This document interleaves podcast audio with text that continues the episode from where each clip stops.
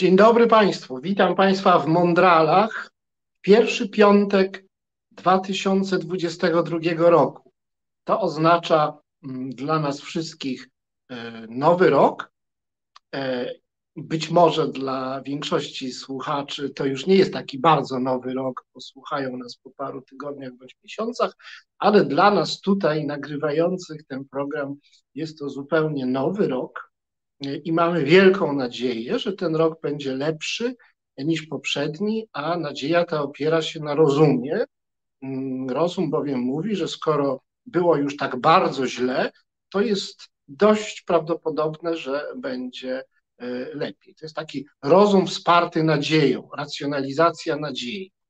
Więc życzę nam wszystkim e, tego, co najbardziej prawdopodobne, a więc tego, żeby, żeby ten rok był mm, lepszy. Dla wszystkich jest to nowy rok, a dla, dla mnie, jako prowadzącego audycję Mondrale, Radiu Reset Obywatelski, jest to też nowy rok, drugi rok y, działalności y, mojej w tym medium, y, działalności Mondrali.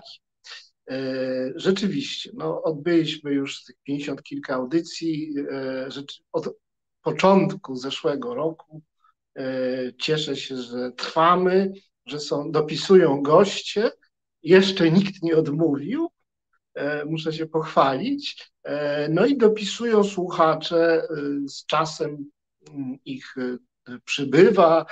Nasze programy mają już taką kilkutysięczną publiczność, a więc nie mniejszą niż inne programy w niszowych mediach. Oczywiście zawsze liczymy na to, że nam chociaż e, któraś z audycji wystrzeli do większych zasięgów. To jest taka ruletka medialna, no ale mniejsza o to. E, drodzy Państwo, e, nasz program istnieje dzięki Państwu, dzięki temu, że wpłacacie datki albo wprost na konto, którego numer można znaleźć na naszej stronie internetowej, albo wpłacacie na Patronite lub zrzutce. Myślę, że początek roku to jest dobry dobra okazja, żeby nas mm, wesprzeć, e, ale y, mm, przede wszystkim chciałem podziękować e, jednemu ze sponsorów, który jest e, stałym sponsorem, który jest patronem, wydawcą, jak to mówimy, naszej audycji, panu Pawłowi Zabarbaru. Chyba prawie rok już nas tutaj wspiera i mnie w szczególności. Chciałbym, żebyśmy dożyli czasów, w których sponsor e, e, wolnego medium nie będzie musiał używać niku. E, może chcieć, ale nie będzie musiał. Dzisiaj zdecydowanie płacanie i przyznawanie się publiczne, oświadczanie publiczne, że wpłaca się na takie medium jak nasze, wiąże się z pewnym ryzykiem. Żyjemy bowiem e, w bardzo podłych czasach, czasach rozczarowania i regresu. Miało być zupełnie inaczej, jest jak jest. Mm, marzenie o tym, że będą, będziemy się kierować ideałami i wartościami w życiu publicznym i umacniać demokrację, państwo prawa i solidarne społeczeństwo e, w ramach solidarnej, kulturalnej, otwartej, E, e, wolnościowej Unii Europejskiej, to marzenie właściwie prysło. Już e, nie wierzymy, że, że tak będzie, ale żyliśmy przez dłuższy czas tym marzeniem i wiele się udało zrobić,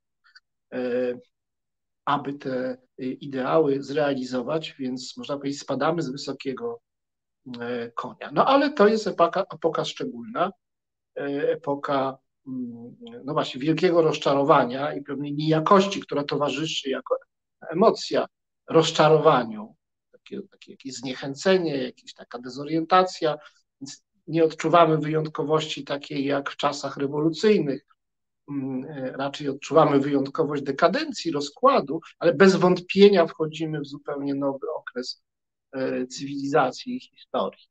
E, w związku z tym chciałbym właśnie naszego gościa o te sprawy mm, mierzenia epok i, i samoświadomości takiej historycznej zapytać, bo tym gościem jest no, historyk teoretyk e, e, literatury, a więc ktoś, kto się epokowością jak najbardziej zajmuje i interesuje, tym bardziej, że jest z profesji jako literaturoznawca przede wszystkim zainteresowany literaturą modernizmu, ale nie tylko. Pan profesor Andrzej Skrendo z Uniwersytetu Szczecińskiego Dzień dobry. jest bardzo ciekawym człowiekiem. Dzień dobry, już pana widzimy, bo ma bardzo wiele różnych zajęć e, i zainteresowań. Przeczytałem w Wikipedii, że nawet jest z wykształcenia marynarzem. E, to jest fan, fantastyczne, więc rozumiem, że powinien się dobrze znać na przykład na Józefie Konradzie. E, ale książki pisał o, innych sprawach, o e, literaturze, poezji modernistycznej, o Tadeuszu Różewiczu, którego rok chyba domknęliśmy właśnie. E, jest też dziennikarzem, często występuje e, w mediach, prowadzi swoje audycje i swoje cykle spotkań, zarówno e, w mediach, jak i, jak i na żywo w swoim mieście Szczecinie, a w mediach widzieliśmy go w różnych rolach. Był nawet szefem redakcji literackiej, bardzo naszej szlachetnej, uwielbianej przez nas chyba wszystkich stacji drugiej w drugim programie Polskiego Radia, który się trzyma mocno mimo trudności politycznych i mm, bardzo, bardzo kibicujemy e, temu zespołowi, żeby nieuszkodzony wytrwał, przetrwał do lepszych czasów. Jest pan profesor jest e, e, bardzo medialną postacią i ma bardzo ładny głos, jak się przekonają ci, którzy go nie znają, bardzo taki medialny w odróżnieniu ode mnie, mówi jakimś takim lekko nosowym i trochę za wysokim głosem, a pan mówi bardzo pięknym głosem. Już go zaraz usłyszymy. Ja e, e, tylko muszę zadać jakieś pytanie. E, pytanie, pytaniem swoim chciałbym nawiązać do tego wstępu, który zrobiłem. Panie profesorze, chciałem się zapytać, czy my jesteśmy teraz w jakiejś epoce, patrząc z punktu widzenia kultury, no bo epoki definiujemy, określamy na tle dziejów politycznych oraz na tle dziejów kultury i poszczególnych jej obszarów, na przykład literatury. Pan się zajmuje modernizmem, jak sama nazwa wskazuje, było to takie bardzo do przodu i nowoczesne i aktualne, no ale modernizm się zestarzał, e, bo to było 100 lat temu, potem był postmodernizm, który też się zestarzał i już go nie ma. E, no rodzi się pytanie, gdzie my jesteśmy, czy w ogóle jeszcze wyznaczanie, naznaczanie epok, czyli kultywowanie tradycyjnej świadomości historycznej, takiej linearnej, od epoki do epoki, w ogóle nas kręci, czy to w ogóle jeszcze się robi, literaturoznawcy sobie tym zaprzątają głowę, a jeśli tak, no to co to za epoka? No i co się w tej epoce właściwie robi? Bo ja wiem, powieści pisać, klasyk, klasyków jakichś promować, no to chyba się już nie da. Za dużo ludzi pisze, zbyt tak rapsodycznie, łapczywie, e, e, chaotycznie się czyta. Nie możemy liczyć ani na Joyce'ów, ani na Manów, ani na, nawet na e, taki, ani na wielkich poetów, żadnych wieszczów, ani nawet na takich globalnie jakoś z, znanych, sławnych autorów, których popularność utrzyma się przez długie dekady. To się jakoś już nie, nie mieści we współczesnych formach media, komunikacji e, kulturowej. No więc wszystko się jakoś po, po, po, poroz, porozłamywało jak krana na, na wodzie. Nie wiadomo, gdzie jesteśmy. Nie możemy sobie powiedzieć, że jesteśmy w zdrowym postmodernizmie, który jest tym, a to, a tym. Nic nie możemy powiedzieć, więc dlatego zadaję panu pytanie, co możemy powiedzieć, skoro nic nie możemy powiedzieć. E Dziękuję za to wprowadzenie. E, mnóstwo interesujących wątków Pan podrzucił już na wstępie, które chętnie e, pociągnę. E, no tak, można by, można by powiedzieć za Różewiczem moim ulubionym, że coś się skończyło, nic się nie chce zacząć. Żyjemy w okresie kryzysu tak głębokiego, że nawet w sam kryzys zwątpiliśmy i czasami nam się wydaje, że ten kryzys jest normalnością to jest chyba takie nasze dojmujące uczucie. E, Odkąd pamiętam, żyję w czasie kryzysu. E, tylko zmieniali się politycy mówiący o tym, że żyjemy w okresie kryzysu. W gruncie rzeczy nigdy nie żyłem w epoce normalności. Zastanawiam się, czy kiedyś dożyjemy jakiejkolwiek normalności. Z drugiej strony, no właśnie tym jest nowoczesność, ciągłym e, kryzysem, e, e, wynikającym chyba z jakiegoś innego odczuwania czasu, innego odczuwania czasu niż to się odbywało w okresie przednowoczesnej. Długo by o tym mówić. Ale ten czas nowoczesności jest też czasem takiej przegryzającej wszystko na wylot ironii. Najlepsi poeci nowocześni to są poeci ironiczni. No, na przykład Stanisław, Stanisław Barańczak. Kiedy e, słuchałem wprowadzenia mm, dokonanego przez pana profesora, przypomniał mi się wiersz, znany wiersz Barańczaka, Określona epoka, który zaczyna się tak. Żyjemy w określonej epoce, odchrząknięcie, to jest rodzaj przemówienia. I z tego trzeba sobie, nieprawda, zdawać z całą jasnością sprawę. Żyjemy w, bulgot skarawki, określonej, nieprawda, epoce. Epoce ciągłych wysiłków na rzecz epoce narastających i zaostrzających się i tak dalej. Siorbnięcie. Nieprawda. Konfliktów. Żyjemy w określonej E, brzęk odstawionej szklanki, po C. Ja bym to podkreślił, nakreślone perspektywy. I tak dalej. Ale też przypomniał mi się wiersz Wisławy Szymborskiej o schyłku wieku. Miał być lepszy od zeszłych, nasz wiek XX. A, ale niestety, pisze Szymborska, już zbyt wiele się stało, co się stać nie miało, a to, co miało nadejść, nie nadeszło. Miało się mieć ku wiośnie i szczęście między innymi. E, miało się kilka nieszczęść przydarzyć, na przykład wojna i głód i tak dalej. Mm. E, kto chciał cieszyć się światem, ten staje przed zadaniem nie do wykonania. Głupota nie jest śmieszna, mądrość nie jest wesoła. To tak w kontekście tytułu audycji, w której się obaj znajdujemy. Mądrość nie jest wesoła. Więc, y, y, więc świat się bardzo szybko zmienia. To szczególne przyspieszenie dokonało się dzięki mediom elektronicznym. Ono daje oczywiście internetowi, e, to przyspieszenie daje ogromne szanse. Możemy spotykać się w takich sytuacjach jak ta, ale z drugiej strony e, to, co się dokonało w sensie komunikacji i zmian e, w komunikacji międzyludzkiej w ostatnich 20 latach, to jest tak nieprawdopodobna rewolucja, że można by powiedzieć, iż wszystkie nasze kłopoty polityczne, kłopoty z reprezentacją polityczną, kłopoty z demokracją i tak dalej, i tak wynikają z rozprzestrzeniania się mediów społecznościowych.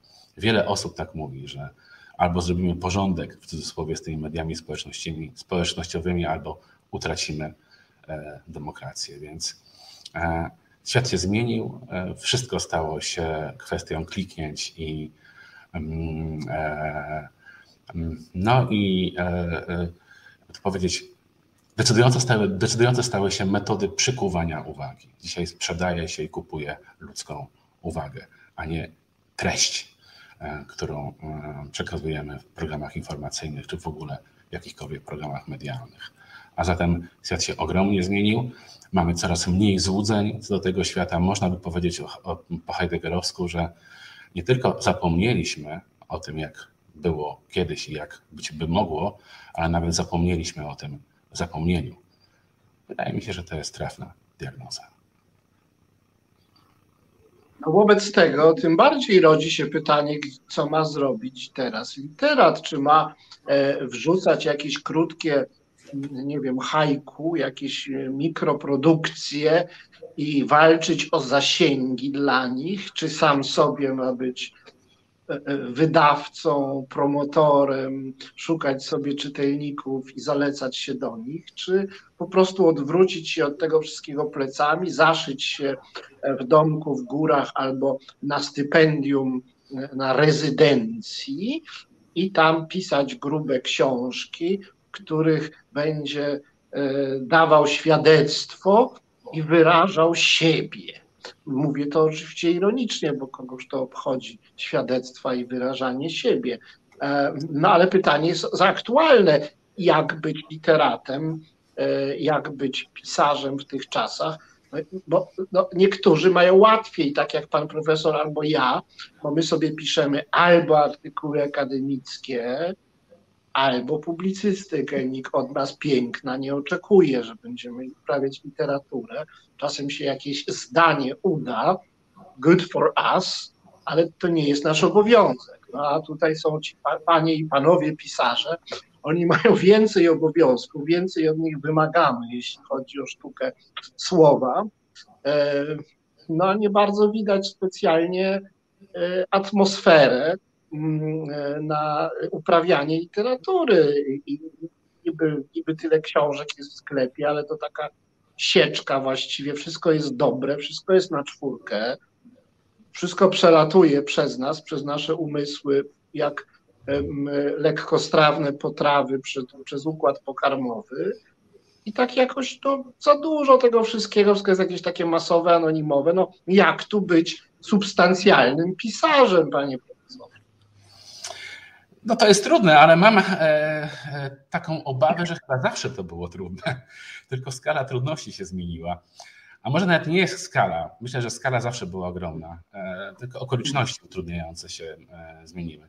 Innymi słowy, nie wierzę w to, że kiedyś żyliśmy w jakichś świetnych czasach, których wszystkich zajmowały sprawy ducha, a dzisiaj żyjemy w bardzo złych czasach, których już bardzo niewiele osób zajmują się, zajmuje, zajmuje sprawy, zajmują sprawy ducha, chyba tak powinno być po polsku. Więc nie tęsknię za takimi niby lepszymi czasami. Myślę, że to jest właśnie pewne złudzenie. To znaczy, tak cierpimy w czasach nowoczesnego kryzysu, że tworzymy sobie takie retroaktywne czy retrospektywne utopie, mówiące nam o tym, że kiedyś to było dobrze. Ale jak wiadomo, e, na pierwszej tabliczce, to jest taki dowcip, ale bardzo mądry, którą znaleziono w Babilonie, było napisane: Czasy są podłe, młodzi zepsuci, starzy zdegenerowani, kiedyś to było dobrze. Więc e, oczywiście dojmująco przeżywamy e, kryzys, e, który został nam dany e, jako zadanie i jako kłopot, ale z drugiej strony ta wiara w to, że żyjemy w czasach zupełnie wyjątkowych, bywa niszcząca i bywa e, złudna. Ale to tylko tak na, mar na marginesie. Druga rzecz, która przyszła mi do głowy, kiedy słuchałem pytania, jest taka. Czasami oglądam bo e, e, czynię tak z obowiązku, uczę studentów dziennikarstwa, niektóre programy, e, które obecnie są bardzo popularne w telewizji. I na przykład, kiedy ogląda się taki program jak The Voice of Poland, to okazuje się, że tam główne wezwanie, które, które kierują ci znawcy muzyki, te wielkie gwiazdy, tych aspirantów, brzmi bądź sobą, wyrażaj siebie. Czasami byłem skłonny nawet pomyśleć sobie, że ja mógłbym wystąpić w takim programie jako E, znawca muzyki, bo ja też mógłbym powtarzać bądź sobą i mówić tym ludziom wierz w siebie, bądź kimś wyjątkowym. Ale wiemy na czym polega złudność tego hasła. W dzisiejszych czasach hasło bądź sobą oznacza bądź jak inni, zachowuj się tak jak inne gwiazdy. W gruncie rzeczy sens tego hasła jest zupełnie odwrotny mm, do jego jawnej treści. No niemniej ta wiara w to, że wystarczy być sobą, że trzeba być autentycznym, że trzeba być prawdziwym, jest wiarą bardzo dzisiaj rozpowszechnioną. Ja też to widzę wśród studentów, nie wiem, czy Pan też to e, zauważa, że istnieje takie poczucie, e, że bycie autentycznym, bycie prawdziwym e, jest najwyższą wartością. Podczas kiedy kultura zawsze mówiła nam, no bądź nieautentyczny, bądź grzeczny, bądź przyjazny, bądź E, e, kimś, e, kto nie podlega tylko i wyłącznie nastrojom i nie zajmuje się manifestowaniem swoich nastrojów. Mieście będzie stać na trochę hipokryzji, ona ułatwia życie. To mówiła zawsze kultura. No, dzisiaj nasza kultura mówi nam coś innego. Bądź autentyczny, bądź prawdziwy. To jest oczywiście kolejna złuda. I jeszcze jedna kwestia. No cóż, sytuacja literata polskiego jest e, trochę inna, jak sądzę, niż literatów e, żyjących w innych kulturach, dlatego że polska kultura jest kulturą romantyczną, na przykład w przeciwieństwie do kultury francuskiej, która jest kulturą wywodzącą się z klasycyzmu. I tam jakby inne dylematy określają myślenie na temat e, kultury i sztuki. Więc w polskiej literaturze bardzo trudno wieszczowi zacząć pisać książki, które będzie się dobrze sprzedawało, A przecież o to chodzi współcześnie. Mm, w ciągu ostatnich 30 lat dokonała się prawdziwa rewolucja, kolejna rewolucja, to znaczy książka stała się towarem. Krytyka literacka umarła.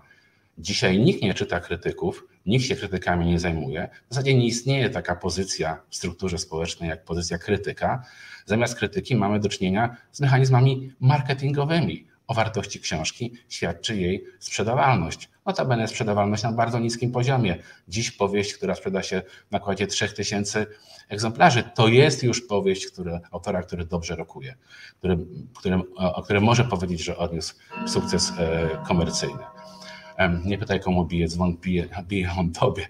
Mam tutaj zegar w pokoju, jeszcze on nas będzie niepokoił, ale to, to, to może i dobrze w odpowiednim momencie e, nastąpiło to e, uderzenie.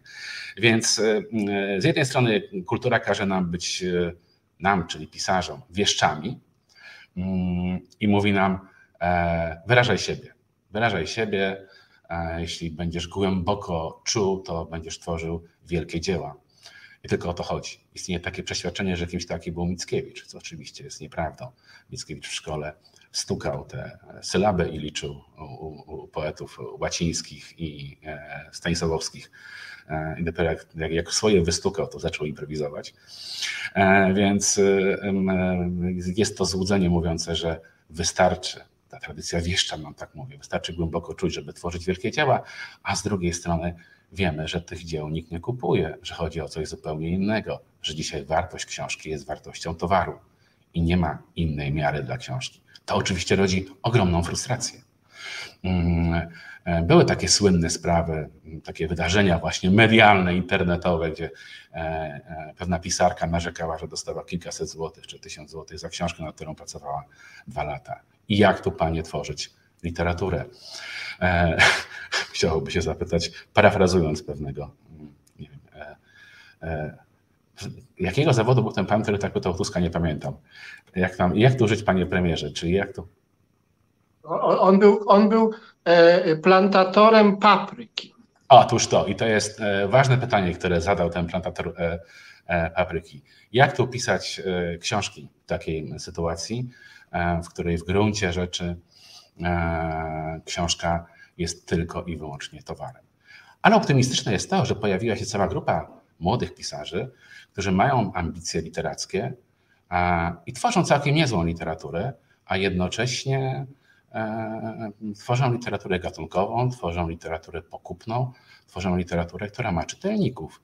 E, no, takim sztandarowym przykładem jest e, Twardoch, jak wiemy, prawda? Czy Żulczyk.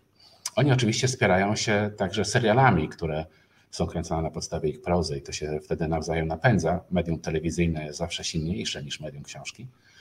No ale e, e, jest kilku takich autorów, którzy chcą być i jedno i drugie. Bardzo nie po polsku, a bardzo w stylu zachodnioeuropejskim. E, w tym sensie Konrad, o którym zdarzyło mi się pisać, był bardzo polskim pisarzem anglosaskim, ponieważ on głęboko wierzył w to, co wierzą Polacy, że literatura jest rodzajem męki, przez którą trzeba przejść E, żeby stworzyć dzieło.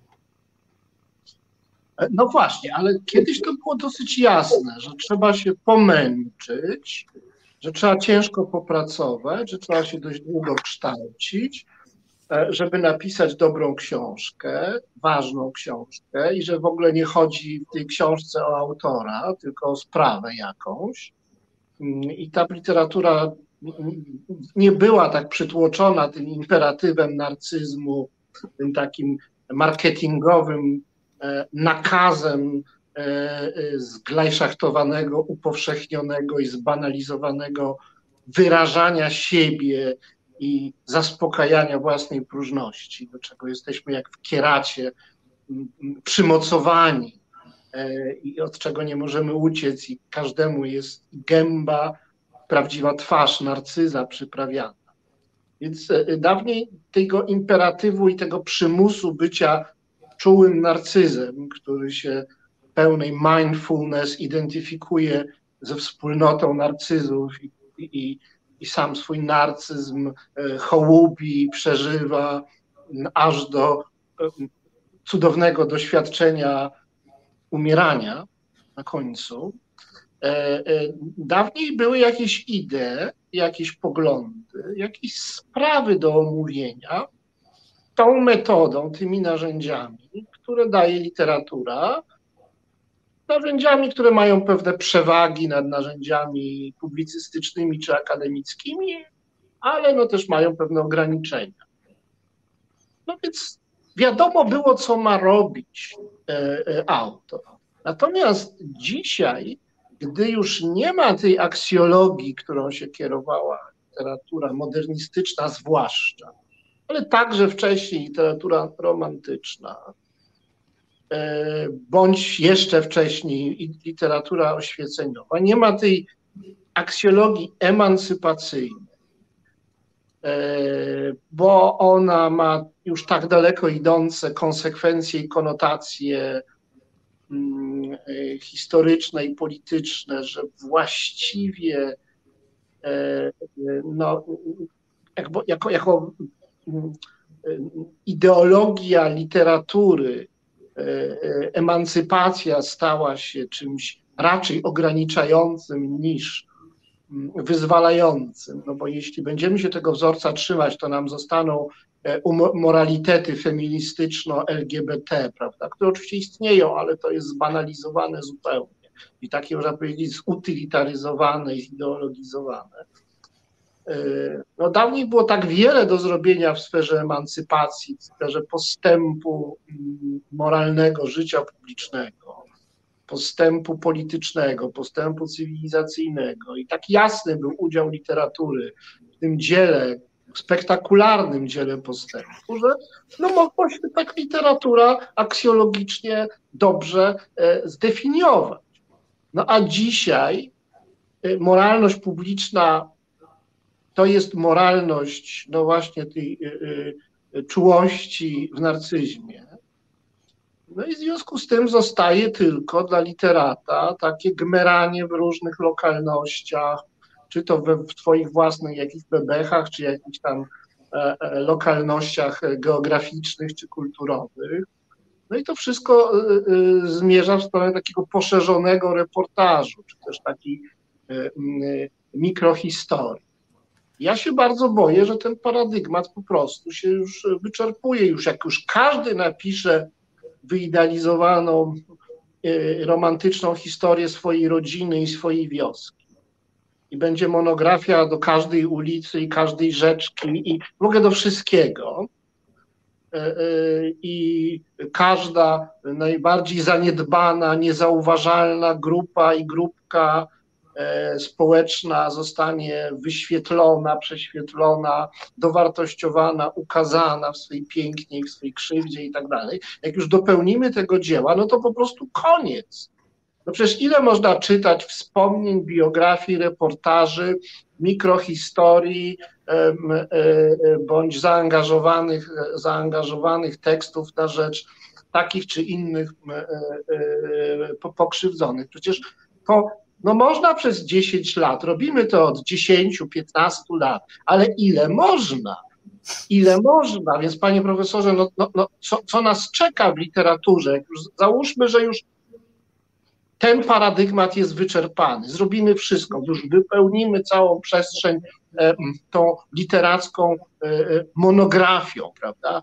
Już pełną czułości, wszelakiej uważności, autentyczności, mądrości. No w ogóle już po prostu będzie milion Olg Tokarczuk na, na, na, na półkach księgarskich i już nic, już nie możemy z tym nic zrobić. To co wtedy, czym wtedy będzie literatura? No to jest bardzo podstępne pytanie oczywiście. Można by na nie odpowiedzieć tak. E, mm, w literaturze chyba nie funkcjonuje pojęcie paradygmatu takie, tak jak je rozumiał e, e, Kuhn. Być może w filozofii też nie funkcjonuje pojęcie paradygmatu, tak jak je rozumiał Kuhn. To znaczy, to nie jest tak, że łamigłówki się wyczerpują. Dzisiaj, jak wiemy, można być Platończykiem tak samo, jak można było być nim w starożytnej Grecji. I problematyka Platona jest tak samo istotna dzisiaj, jak była 2,5 tysiąca lat temu. I w tym sensie nic to się nie wyczerpało. Ta gra się nie kończy. E, e, e, więc wydaje mi się, że ta metafora może być złudna. Natomiast gdyby to trochę uporządkować, powiedziałbym tak.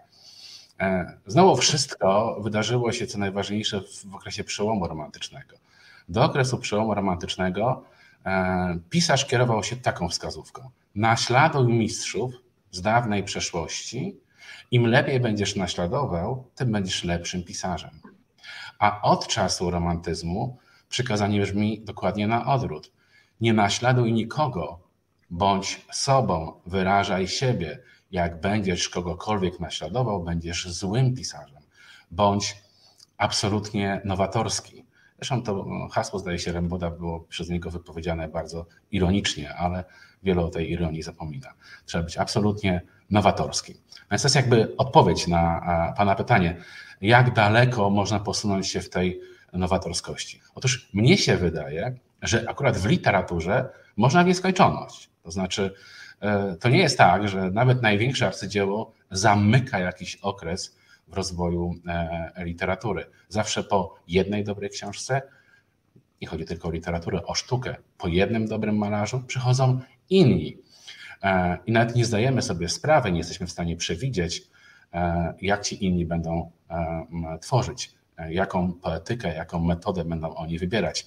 W tym sensie można by, używając sformułowania Paskolowskiego, powiedzieć, że w sztuce są same nosy Kleopatry nie ma e, e, żadnego paradygmatu. Innymi, każdy, innymi słowy, każdy autor jest sam dla siebie paradygmatem. E, mm, ale sprawa się oczywiście komplikuje w okresie modernistycznym. Miłosz mówił o tym, że nastąpiło do, doszło do takiego rozwodu poety z rodziną ludzką. Ale ten rozwód był bardzo osobliwy, bo to z jednej strony oczywiście, i tę formułę znamy ze współczesnej socjologii, E, e, jest kultura narcyzmu, mówię o modernizmie, a zatem kultura swego rodzaju uzurpacji, ale z drugiej strony ta uzurpacja w przypadku bardzo wielu autorów nowoczesnych no, była prawdziwą tragedią. Maria Janion e, zajmowała się w serii Transgresje takimi właśnie biografami pisarzy, bardzo wybitnych pisarzy, którzy żyli na marginesie społecznym, którzy byli alkoholikami, E, narkomanami, no doświadczali różnego rodzaju sytuacji granicznych e, wszystko to robili, jak, niejako składając własne życie na ołtarzu sztuki. To jest oczywiście swego rodzaju uzurpacja. Różewicz jest być może dlatego tak ważnym pisarzem nowoczesnym, że nic go bardziej nie interesuje niż ta uzurpacja, czyli to przeświadczenie o bliskim związku tekstu i egzystencji, przeświadczenie o tym, że jedno karmi się drugim, a z drugiej strony Mm, cechą Różewicza jest to, że on niebywale surowo szydzi i drwi z tych wszystkich, którzy takiej uzurpacji się oddają. Dlatego tak kluczową postacią jest Kawka, którego on nazywa głodomorem, a ten głódomor jest tak naprawdę uzurpatorem.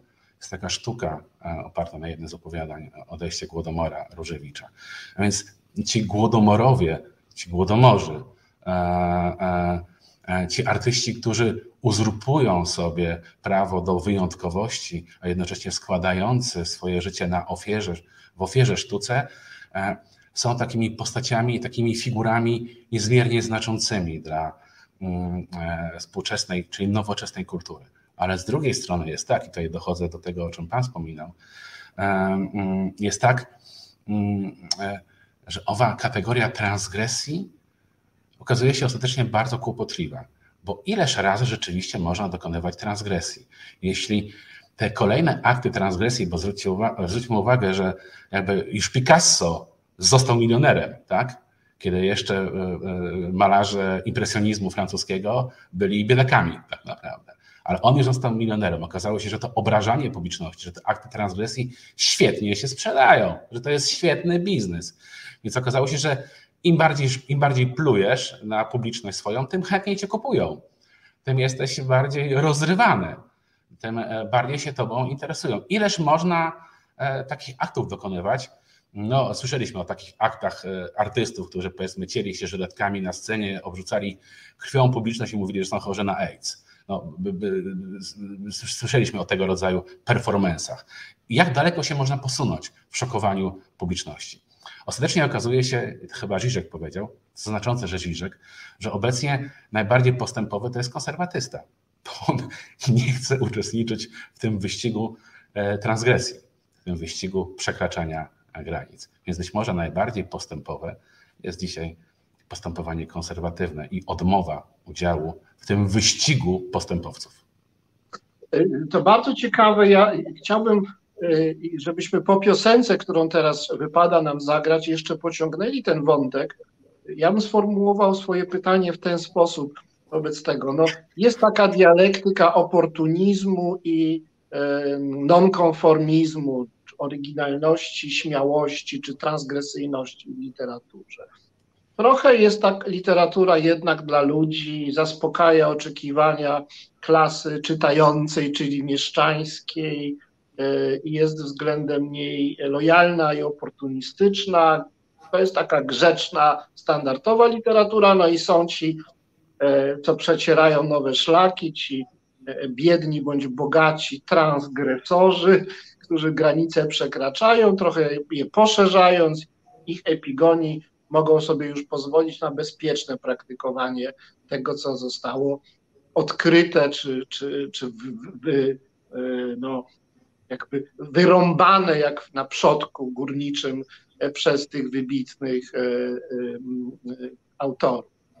No i sobie tak to wszystko funkcjonuje w ramach takiego systemu klasowego, w którym centralną rolę odgrywa mieszczaństwo i jego obyczaje oraz jego aspiracje e, no, do, do, do, do, takie, do, do światłości, do, do, do nowoczesności, do postępu. No i literatura odpowiada na te aspiracje, czyli robiąc, robi to w ten sposób, że klasa mieszczańska produkuje literatów oportunistów i literatów nonkonformistów, zaspokaja dwie potrzeby. Ciągłości, potrzeby konserwatywne no i potrzeby no, takiej krytycznej samowiedzy i postępu, czyli te nowe, wielkie potrzeby e, e, nowoczesnej, nowoczesnego społeczeństwa.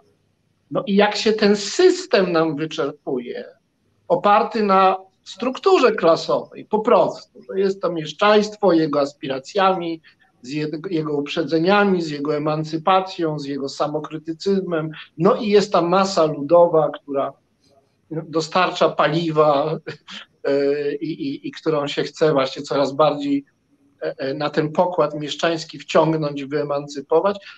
Jak póki ten układ działa, literatura działa. No, literatura jest częścią tego wielkiego procesu modernizacji.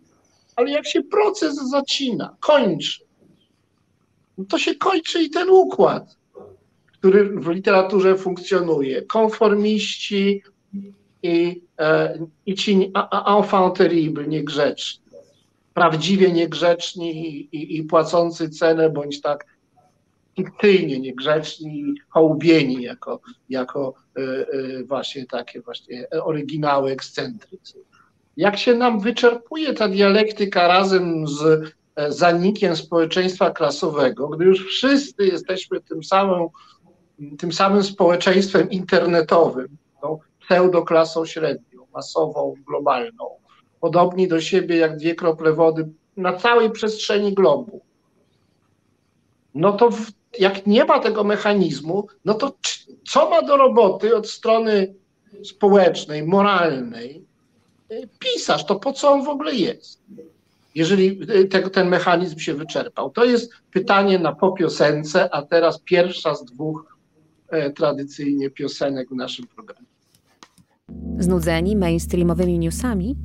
Czas na reset obywatelski. Zaangażowane dziennikarstwo. Drodzy Państwo, witam w drugiej części e, programu Mondrale nadawanego premierowo 7 stycznia 2022 roku.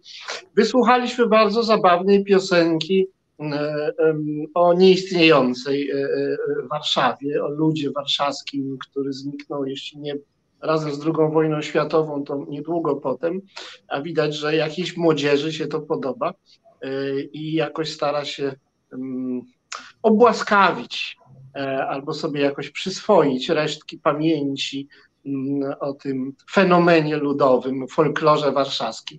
E, no więc jak widzimy, trochę jeszcze taka literackość tradycyjna się jeszcze tli, ta piosenka jest tego dowodem. My z panem profesorem Andrzejem Skrendo z Uniwersytetu Szczecińskiego, e, krytykiem literackim, teoretykiem literatury, teoretykiem modernizmu, ale także dziennikarzem literackim, e, osobą medialną, rozmawiamy teraz właśnie o, o losie literatury w epoce, która nawet nie jest już postmodernizmem i właściwie nie ma dla niej nazwy i może w ogóle nie jest epoką.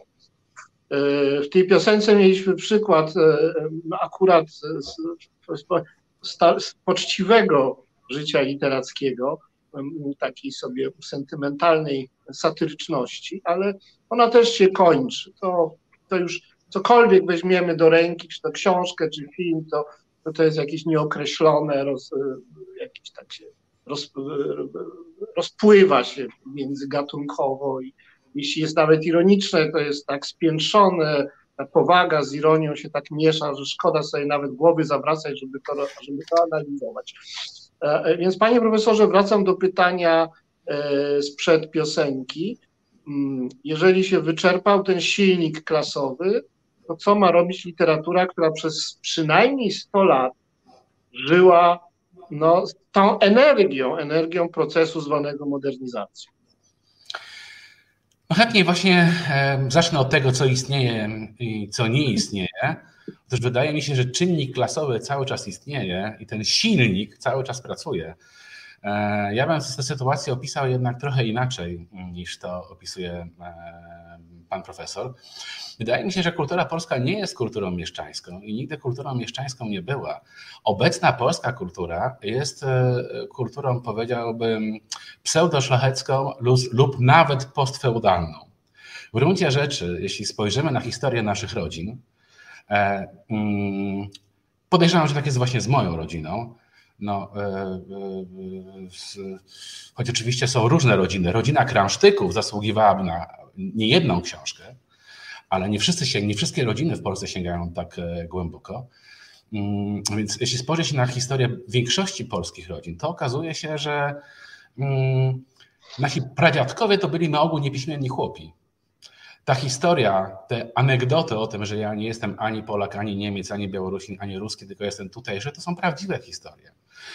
Mamy wspaniały film Konopielka Leszczyńskiego, którego akcja dzieje się po II wojnie światowej i tam ci ludzie mieszkają. Kiedy czyta się wspomnienia Witosa, to widać, że, e, e, że, że, że tam chłopi właśnie są w okresie uświadamiania sobie tego, że są Polakami.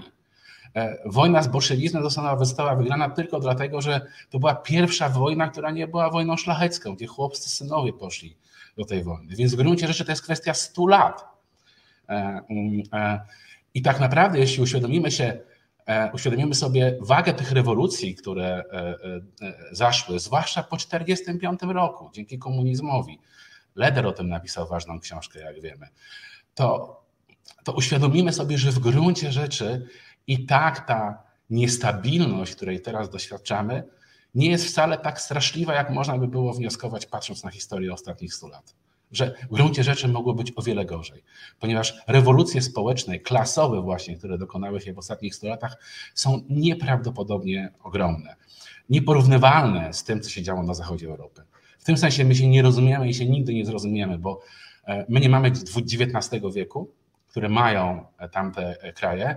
I to, co się wydarzyło w ciągu 200 lat tam, w Polsce wydarzyło w przeciągu 100 lat, tak naprawdę po roku 1945. Także to jest kwestia nieporównywalna.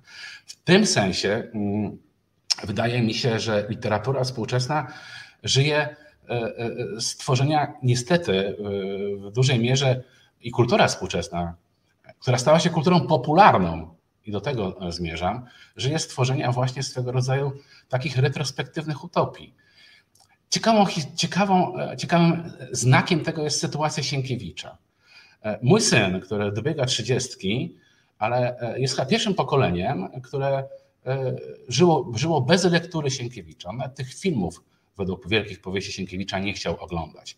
Ale w gruncie rzeczy nawet ci, którzy nie oglądają tego Sienkiewicza i ci, którzy nie znają jego powieści, żyją pod ciśnieniem pewnych mitów dotyczących polskiej przeszłości, które przekazał nam a częściowo stworzył Sienkiewicz. Więc wydaje mi się, że mm, dzieje odbioru Sienkiewicza w XX wieku, krytyki Sienkiewicza i powracania do Sienkiewicza były, były bardzo ciekawym symptomem, ciekawym opisem tego, jak zmieniała się polska kultura w wieku XX. A tak nawiasem mówiąc, uważam, że E, nie jest pan dość tutaj, by tak powiedzieć, radykalnym marksistą, przywołał pan Marksa, ponieważ jak pamiętamy w manifestie e, komunistycznym, Marks jest tak naprawdę zachwycony kapitalizmem.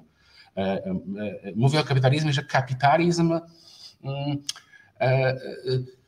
jest niezwykłą siłą obdarzony, polegającą na tym, że on wszystko przenicowuje że wszystkie przywileje klasowe, wszystkie właśnie podziały klasowe przenicowuje i zostawia tylko jeden podział na bogatych i biednych. Otóż e, wydaje mi się, że ten mechanizm, ten mechanizm e, ciągłego przenicowywania, on cały czas funkcjonuje. W gruncie rzeczy to, co nazywamy dzisiaj globalizacją, jest dalszym ciągiem tego mechanizmu przenicowywania e, opisywanego przez Marksa. W tym sensie globalizacja jest dalszym ciągiem kultury kolonialnej. E, e, e, I można by zatem powiedzieć, tak jak powiedział ten agent Matrixa do Neo w Matrixie, wy nie jesteście homo sapiens. Wy należycie do innego rzędu, czy tam do innego królestwa. Jesteście wirusami. Otóż ten opis Marksa zawarty w manifestie komunistycznym, opis kapitalizmu jest właśnie opisem kultury wirusów, które obejmują jakąś przestrzeń, wyjaławiają ją i przerzucają się na kolejną e, e, e, przestrzeń, na kolejną dziedzinę. Innymi słowy, ekologia postawi nam ostatno, ostateczną granicę tego rozwoju. Na początku Pan o tym wspominał naszej rozmowy. Wydaje mi się, że to jest prawda. Nie ma postępu, ponieważ pokolenia, które teraz się narodziły, będą żyły gorzej niż żyli ich ojcowie. I to będą pierwsze pokolenia od niepamiętnych czasów w kulturze europejskiej, być może od XVII wieku, które doświadczą czegoś takiego. Taka jest moja obawa i z tego powodu pesymistycznie się zapatruję na, na losy i na przyszłość demokracji w takich krajach jak Polska i w ogóle krajach. Ja podzielam te obawy, one są chyba dość powszechne i młodzież sobie też zdaje sprawę, że melioryzm, y, który mm, pozwalał procesom modernizacyjnym być w zasadzie mm, optymistycznymi, i, i też wzniosłymi, bo, bo, nadzieja na lepsze jutro jest przecież nadzieją, a więc jakimś stanem wzniosłym. E, ten melioryzm się, się skończył i młodzież, młodzież jest takiej domyślnej depresji z tego powodu. E, no ale no, sztuka się nie skończy, kultura się nie skończy. No i rodzi się pytanie, czy kultura ma być tak jak dotąd przestrzenią samokrytyki społecznej, przestrzenią mm, e, surowej, osądzającej refleksji moralnej, no czy, czy po prostu już żerowisko jest tak totalne, świat stał się jedną kolonią samego siebie, niezróżnicowaną w, swojej, swoim totalnym zróżnicowaniu. Czy kultura jest takim mil plateau, o którym mówił Deleuze i Gattari, że, że nie ma szans być, emancypować się z, z zasad komercji i walki o uwagę e, i e, no, konformizmu, oportunizmu względem e, masowych, masowych gustów i oczekiwań. Czyli też może właśnie jest tak, że jest jakaś sfera luksusu produkowana Mm, jako właśnie uboczny efekt e, e, no, takiej globalnej jakiejś produkcji, nadprodukcji tu i ówdzie, i że e, ci bogaci, mający z czego żyć, artyści niezależni, w związku z tym ekonomicznie i jakoś tam ideologicznie, jeśli tylko się zdobędą na to, żeby nie być narcyzami i nie szukać koniecznie jak największego poklasku, y, y, zasięgów, a w konsekwencji nie, nie podbijać wartości rynkowej swojego nazwiska, tylko będą wierni sztuce, to, to, to dzięki temu się sztuka y, i kultura utrzyma w swoich tych elitarnych i progresywnych funkcjach. Czyli panie profesorze, czy wierzy pan, że kultura jest już tylko jednym z pól tego totalnego żerowania, czy też może zachować swój mm, szlachetny charakter, wyemancypowany i wolny, i etyczny w jakichś przynajmniej ograniczonych obszarach? E, powiedzieć, że w to wierzę, to nie byłoby ścisłe powiedzenie. Po prostu tak jest i to nie jest kwestia wiary. Natomiast wierzę w coś innego. Wierzę w to, że powiedzmy za 100 lat, jak ktoś będzie opisywał naszą epokę, to opisze tę epokę jako, jako e, czas e, nieprawdopodobnego i w gruncie rzeczy takiego trudnego do zrozumienia zamętu. Nikt nie będzie potrafił zrozumieć, jak w ogóle mogło dojść do tego, do czego doszło. To znaczy do takiej hiperinflacji słów, czynów, idei, e, do takiego odlepienia słów od rzeczy. To wszystko zawdzięczamy oczywiście nieokiełznanej, nieprawdopodobnie rozwiniętej i silnej kulturze internetu. To on wszystko zmienia. Przed cała sytuacja z antyszczepionkowcami, prawda? Przecież polega na tym, że że oni się gromadzą i identyfikują poprzez internet. Gdyby nie było mediów społecznościowych, byśmy nie mieli kłopotów z ideologią antyszczepionkowców, bo nie, nie mieliby forum, gdzie mogliby się ujawnić. I tak dalej, i tak dalej. W gruncie rzeczy media społecznościowe są niekontrolowane przez żadne państwo, przez żadne prawo. Jedyna idea, która rządzi e, mediami jest e, społecznościowymi, to jest najbardziej surowa i najbardziej e, klasyczna idea wyzysku, tak jak ją opisywał Marx. Nawet Marx nie wyobrażał, jak można wyzyskiwać. Takim wyzyskiem e, jest kultura e, mediów społecznościowych. Mm, pod każdym względem i napisano o tym wiele mądrych książek. Soszana Zubow napisała taką słynną książkę o kapitalizmie inwigilacji całkiem niedawno, którą zainteresowałem się wtedy, kiedy powołała się na nią przewodnicząca, przewodnicząca Komisji Europejskiej Ursula von der Leyen. Mówiąc, tak, tak, Zubów ma rację. I rzeczywiście e, to jest taka futurystyczna wizja świata, który będzie całkowicie kontrolowany i my, jako każdy z osobna, będzie całkowicie kontrolowany przez nieznane siły e, e, wyciągające macki z przestrzeni internetowej. W tym sensie też zaciera się różnica między światem wirtualnym a światem rzeczywistym. Świat rzeczywisty staje się odmianą świata wirtualnego. Kiedy w Świnoujściu jadę promem na drugą stronę i widzę ludzi siedzących w samochodach, e, a e, my samochody stawiamy zawsze po tej jednej stronie, bo chcemy pospacerować z żoną, to każdy siedzący w samochodzie, rodzina, cztery osoby, każdy siedzi i patrzy w własną komórkę. Nikt z nikim nie rozmawia. Podejrzewam, że nie nawet jak się komunikują między sobą w tym samochodzie, to za pomocą SMS-ów. To jest ta kultura, która pożera rzeczywistość. Baudrillard pięknie o tym pisał kiedyś, zresztą idea Matrixu jest też z Baudrillarda. Na początku Neo bierze książkę Symulacja i symulakry Baudrillarda w Matrixie. No więc e, mm, e, tak się e, sprawy mają. I Deleuze i Guattari nawet nie zdawali sobie sprawy, tworząc kulturę kłącza, do czego może dojść. I, I to jest rzeczywisty kłopot. Myślę, że to zostanie w końcu jakoś uporządkowane że te e, wielkie konglomeraty zostaną podzielone, takie jak Facebook czy Google, e, że zacznie tam obowiązywać jakieś prawo. Obecnie to jest tak, że każdy może założyć e, stronę jakąś szkalującą, szkalującą drugą osobę i nie ma żadnej możliwości, żeby tę stronę zamknąć. Żaden sąd polski nie jest w stanie tego zrobić. To jest, to jest nieprawdopodobne, co się tam dzieje, a jednocześnie oczywiście jestem świadom, mówiąc to wszystko, Mm, dobrodziejstw, które wynikają z kultury e, internetu, z tych kultury mass mediów. Także tych dobrodziejstw, które tak nieprawdopodobnie odmieniły naszą pracę naukową. Prawda? Dzisiaj uprawianie nauki jest czymś zupełnie innym niż, niż to było w okresie przed, e, przedinternetowym. E, mm, więc myślę, że za 100 lat nikt nie będzie mógł zrozumieć i wszyscy będą się dziwić, jak doszło do czegoś takiego, do czego doszło teraz. Natomiast e, druga kwestia, o której Pan powiedział, która jest bardzo istotna, to jest kwestia emancypacji i krytyki.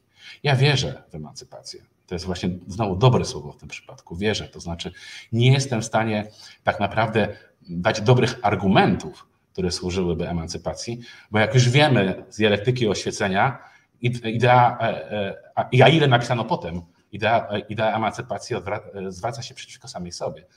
Nowoczesność tworzy nowe formy obskurantyzmu, z czym właśnie mamy obecnie do czynienia. I to jest bardzo dojmujące doświadczenie, ale to wszystko już opisał Adorno. Więc pytanie fundamentalne jest takie: jeśli krytykować, to w oparciu o jakie zasady? Na czym się wesprzeć, jeśli krytykować? Na wierze? Na nadziei? Ale w co?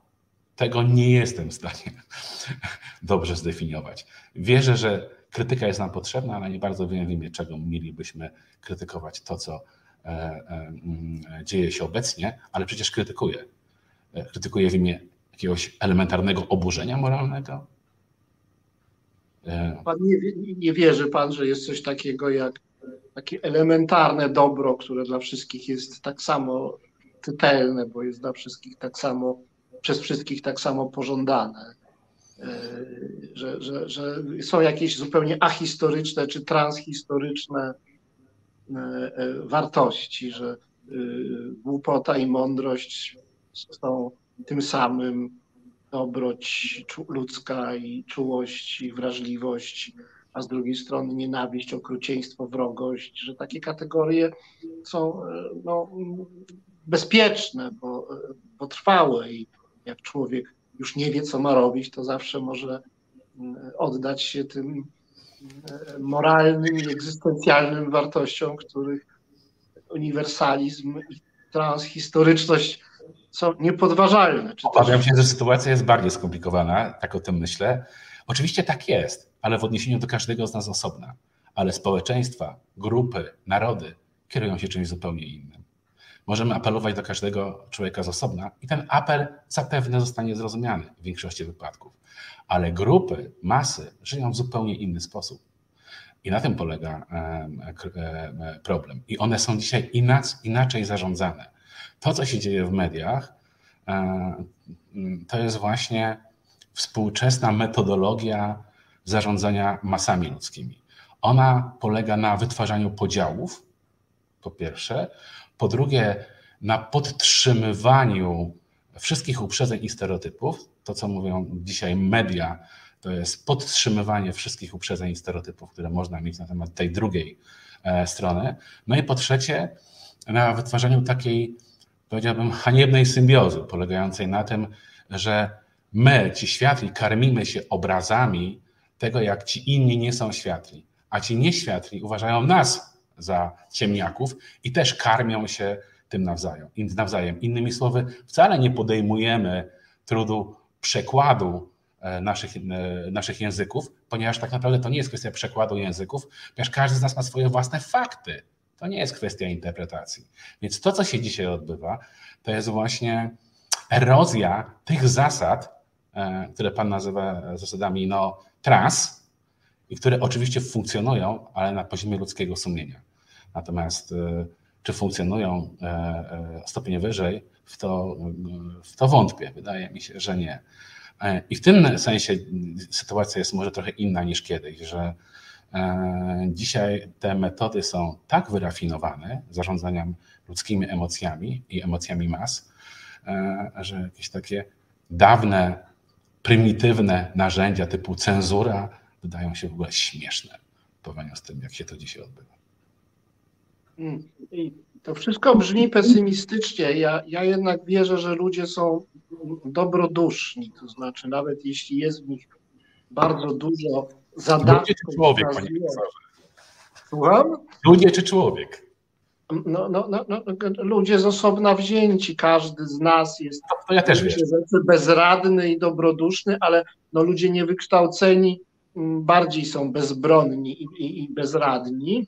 To oznacza, że są podatni oczywiście na manipulację, która będzie wzniecać w nich niskie instynkty mm, i uczyć e, złego, ale w tej samej poczciwości takiej człowieka prostego, a każdy jest w jakiejś warstwie swojej osobowości i infantylny, i prosty, e, no więc w tej poczciwości ludzkiej e, tam się kryje dobro. Ja taką mam antropologię, że e, prostota, poczciwość, infantylizm ostatecznie są bardziej łożyskiem dobra niż zła.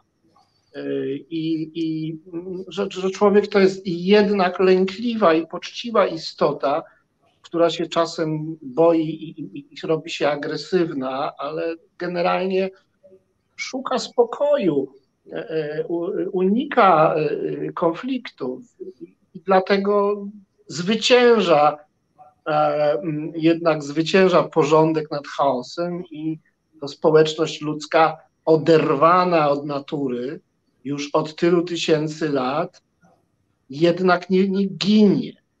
E, chociaż być może teraz będzie się musiała trochę skurczyć, ale jednak osiągnęła sukces, trwa i jest jakaś też niezwykła w różnych, w różnych aspektach. Także ja w człowieka wierzę, panie profesorze, mimo wszystko i, i wierzę w posłannictwo też literatury, że, że jak ktoś czyta te książki, no to, to karmi tę swoją poczciwość i dobroć yy, i poskramia Mm, to złe zwierzę w sobie. Tak, no więc w tym sensie ja też oczywiście wierzę w literaturę. No właśnie, dlaczego potrzebujemy literatury? Dlatego, że literatura mówi do każdego z nas osobna, a media e, współczesne mówią do grup i łączą nas w grupy i wytwarzają te grupy. Tworzą fałszywe podziały po to, żeby te rzeczywiste podziały e, się nie ujawniły.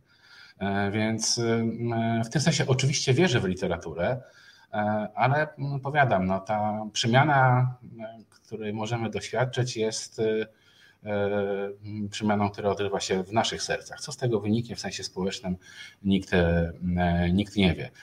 A, a poza tym to karmienie się literaturą to też jest, powiedziałbym, dość paradoksalne sformułowanie, bo wiemy, i tak jest znowu E, na przykład u Różewicza, wracam do niego, no bo to jest jeden z tych najważniejszych dla mnie pisarzy. Literatura współczesna raczej mówi właśnie o osamotnieniu, o zerwaniu więzi, o mm, kryzysie e, wartości. Więc e, może to jest tak, jak napisał Jan Paweł II, bo rozumiem, że do niego pan profesor nawiązuje w liście do artystów, kiedy powiedział, że nawet najbardziej skorumpowana moralnie literatura w gruncie rzeczy jest wołaniem o zbawienie. Im bardziej skorumpowana moralnie, im bardziej zepsuta jakby w sensie moralnym, tym bardziej woła ona o zbawienie i o ocalenie. Tak napisał mm, e, papież w liście do artystów i coś w tym jest. Jakieś zrozumienie współczesnej sztuki tam zostało e, e, zawarte. Może to jest tak. Panie profesorze, nasz program już jest zdecydowanie w drugiej swojej połowie. W tej chwili mm, czas na no, drugą i ostatnią piosenkę. Chciałem zapowiedzieć, e, mm, że po piosence mm, chciałbym porozmawiać z Panem właśnie o, o tym, czym się Pan zajmuje, właśnie o Różewiczu i, i innych pisarzach tego kręgu polskiego, no nie wiem, modernizmu. E, ale teraz, teraz piosenka. Reset Obywatelski. Medium, które wsłuchuje się w głos swoich odbiorców.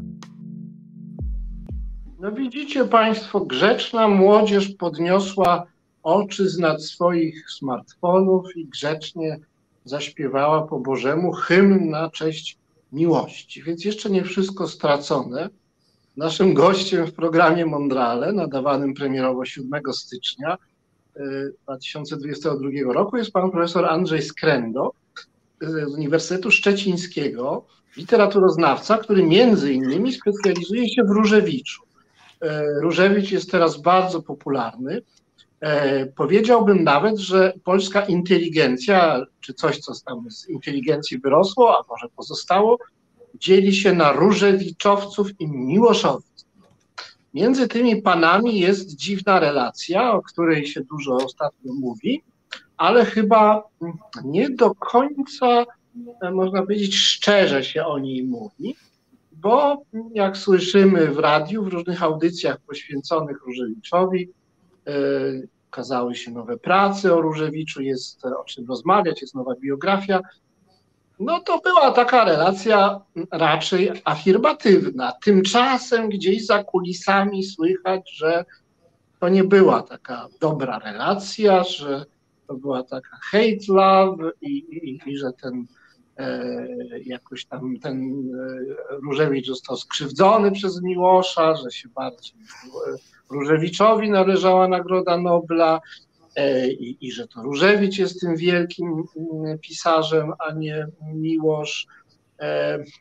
Chciałbym poznać pańskie zdanie na temat tego bardzo dziwnej i emblematycznej dla mm, drugiej połowy XX wieku, e, dla polskiej kultury drugiej połowy XX wieku e, e, relacji. To są w ogóle ciekawe figury. Przecież to, czym żyli polscy czytelnicy przez ostatnie 200 lat, to był tak zwany antagonizm wieszczów. To znaczy pytanie, kto był lepszy, czy Mickiewicz, czy Słowacki prawda?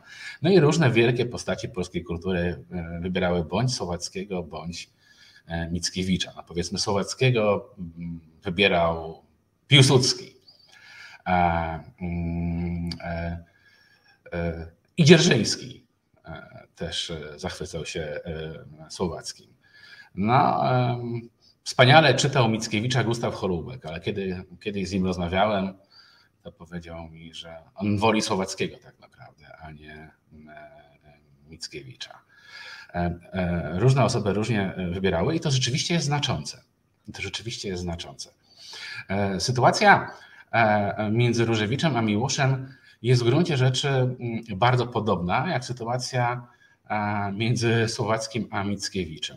Mickiewicz był starszy, to Mickiewicz dzierżył rząd dusz. Słowacki był tym uzurpatorem, który mówiąc, że jest równy w Beniowskim e, Mickiewiczowi, naraził się większości Polaków. No jak to taki uzurpator tutaj mówi, że my jesteśmy dwa słońca. No, słońce jest tylko jedno i to tym słońcem jest Mickiewicz. No i podobnie tutaj było, mm, e, e, jeśli chodzi o Miłosza i Różewicza. Miłosz starszy o 10 lat i Miłosz witający zaraz po wojnie Różewicza, Różewicz, przypomnijmy, debiutował w roku 1947 tomem Niepokój. No, z tym debiutem są różne kłopoty, no ale to jest taka oficjalna data oficjalnego debiutu. I wita e, e, Różewicza bardzo dziwnym wierszem do Tadeusza Różewicza, poety, e, z którego można by wywnioskować, że Miłosz w ogóle Różewicza nie zrozumiał. Ponieważ to jest oda pisana takim klasycystycznym stylem, gdzie się wychwala poetę jako e, kogoś e, niezwykle mm, ważnego dla świata. E, chwała krajowi, jakoś tak mówi Miłosz, który urodził poetę. Ta wieść obiega wszystkie drzewa, łąki, lasy i tak dalej, i tak. I nie wiadomo, czy ten Miłosz kpi, czy o drogę pyta w tym dziwnym bardzo mm, wierszu. I tutaj jest już źródłowa dwuznaczność, nie? No, jaką modalność miało to, e, to przywitanie. Miłość potem wielokrotnie wraca do tego wiersza, tłumacząc, tak, no zobaczcie, ja od razu wiedziałem, że Różewicz to jest ktoś. Od razu wiedziałem. No ale mm, mm, e, Różewicz zupełnie inaczej opisywał swoją sytuację i sytuację kultury w Tomie Niepokój niż e, Miłosz. Miłosz tak pisał, jakby nie doświadczył tej zagłady wartości której dokonała II wojna światowa. Różewicz był dogłębnie nią przejęty. Różewicz dukał, można by powiedzieć, sylaby, jak dziecko uczące się mówić, a ten tutaj Miłosz e, e, daje nam klasyczną odę, czy klasycystyczną odę. Wszystko to bardzo, bardzo dziwne i ta pochoła bardzo dziwna. No potem przez lata te sytuacje można by, te relacje można by oglądać w wielu wymiarach, no ale powiem tylko o jednym. Potem przez lata E, obaj mówili o sobie mniej więcej tyle. E, Miłosz mówił, i to jest trafna bardzo diagnoza, interesująca, chociaż wnioski, które z niej wyciągał, są niepokojące. Otóż Miłosz mówił, że każdy z nas nosi w sobie Różewicza. Dlatego tak trudno się go pozbyć. Czyli to zwątpienie, można by powiedzieć, tę ciemność, można by powiedzieć. E, mm, ale sugestia, ta niepokojąca sugestia, którą Miłosz E, nie wprost wyrażał w tym sformułowaniu, brzmi tak, ale ja Różewicza w sobie pokonałem i poszedłem dalej. Dokonałem tragicznej afirmacji istnienia. No i bardzo wybitni krytycy na czele z Janem Błońskim, który zaczynał jako chwalca Różewicza, a potem niejako Różewicza zdradził. W 1955 roku opisywał Różewicza jako tego właśnie najważniejszego poetę. To nie Miłosz był najważniejszym, ale Różewicz. Ale potem Błoński zakochał się w, w Miłoszu i, i właśnie powiadał, że Miłosz jest jak świat, ponieważ wierzył, zwątpił i na nowo uwierzył. Można powiedzieć, dokonał hegelowskiej syntezy. E, I taki właśnie wszechobejmujący. Każdy protest znajdziemy u Miłosza i każdy z tych protestów, każde to zwątpienie zostało pokonane, tłumaczył Błoński. I Miłosz zdaje się w to wierzył. Do pewnego momentu, mm, może do tomu to, gdzie w tym słynnym wierszu to mówił, że ludzie okłamywałem was, mówiąc, że to, można powiedzieć to, czyli Różewicz, e, e, nie jest we mnie, ale to to zawsze było. I moje ekstatyczne pochwały istnienia, mówi e, Miłosz w tym wierszu, dokładnie nawiązując do tego języka, którym opisywał go Błoński, więc moje ekstatyczne pochwały istnienia były być może złudzeniami, kłamstwami, a tak naprawdę to zawsze we mnie było, mówi Miłosz. Więc czytanie Miłosza jako w gruncie rzeczy zarażonego Różewiczem, czyli jako nihilistę w cudzysłowie, były bardzo interesujące, a nie jako poeta afirmatywnego. Tak to widział Miłosz. Różewicz widział to trochę inaczej. Różewicz twierdził, że Miłosz zaraz po wojnie w kilku wierszach, które potem znalazły się w tomie Ocalenie, dał wyraz, dał wyraz temu, że wie, iż sytuacja kultury powojennej jest zupełnie inna i nieporównywalna z niczym, że wojna była kataklizmem na miarę biblijnego potopu i że wszystko trzeba zacząć od nowa, ale potem jakby to powiedzieć, wycofał się na stare pozycje.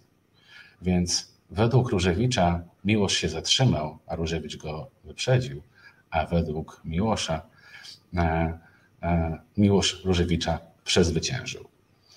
E, no to jest rzeczywisty spór, jeśli tak by formułować ich pozycję w polskiej literaturze, ale też oczywiście można by się było zastanawiać, czy rzeczywiście, jak już sugerowałem, Miłosz jest tak jasny, jak nam się wydaje, a Różewicz jest tak ciemny, jak zwykle sądzimy. Być może na odwrót, być może to właśnie Różewicz jest jaśniejszy od Miłosza. I to jest ta perspektywa, w której staram się o nich myśleć, czyli odwrotna od tej, która się utarła. Różewicz jest jaśniejszy niż nam się wydaje, Miłosz jest ciemniejszy niż sądzimy. Hmm. Obu tych wielkich e, pisarzy i poetów łączy również to, że mieli złożone i niejednoznaczne relacje z komunistami, powiedzmy, z reżimem. E, ostatecznie e, Miłosz wziął rozbrat e, z partią komunistyczną, z władzą i no, miał w związku z tym kłopoty. Zresztą chyba nigdy nie był tak bardzo, tak bardzo nie kolaborował, choć może pewne profity E, e, jakieś tam w, latach 50. czerpał z e, no, relacji poprawnych z władzą, powiedzmy, ale generalnie wylądował na pozycji autora zakazanego. Ja chodziłem do liceum we Wrocławiu, w mieście Różewicza, w okresie stanu wojennego, w pierwszej połowie lat 80. I wtedy Miłosz był zakazany. Y, jak pamiętamy, no, Miłosz otrzymał nawet Nagrodę Nobla, ale mimo to też jakoś władze nie zdecydowały się, żeby go sobie, no, żeby mu wybaczyć i go sobie przyswoić i wykorzystać. Jednak Miłosz był postacią negatywną i taką wypieraną, jakby nie, nie tak, żeby w ogóle nauczyciele nie wspominali, ale nie, nieoficjalnie, nie było tego w programie. Potem to wróciło w drugiej połowie lat 80., ale akurat w stanie wojennym Miłosz był nacenzurowanym. Ale zupełnie odwrotnie było, panie profesorze, z Tadeuszem Różewiczem. Y, y, młodzież z liceów wrocławskich wręcz mm, urządzała takie wycieczki, to znaczy dla niej się organizowało takie wycieczki na spotkania z Różewiczem, nawet do jego domu. E, on mieszkał chyba wtedy na Legnickiej, potem się przeprowadził na Promień, na Biskupin, czyli do mojej dzielnicy, w której ja się wychowałem. E, I, no i ten Różewicz był przez władzę e, bardzo hołubiony. czy mógłby, ale oczywiście Różewicz nie był żadnym kolaborantem, prawda? Przecież nie był żadnym partyjniakiem. Dlaczego tak to było, panie profesorze, że jakoś komuniści sobie Różewicza przychoł, przychołubili, z Miłosza zrezygnowali, uznali ostatecznie za zbyt opozycyjnego odszczepieńca i, i, zakazali e, propagowania go, szerokiego wydawania. Co zadecydowało o takiej polityce, że Różewicz tak, a Miłosz nie?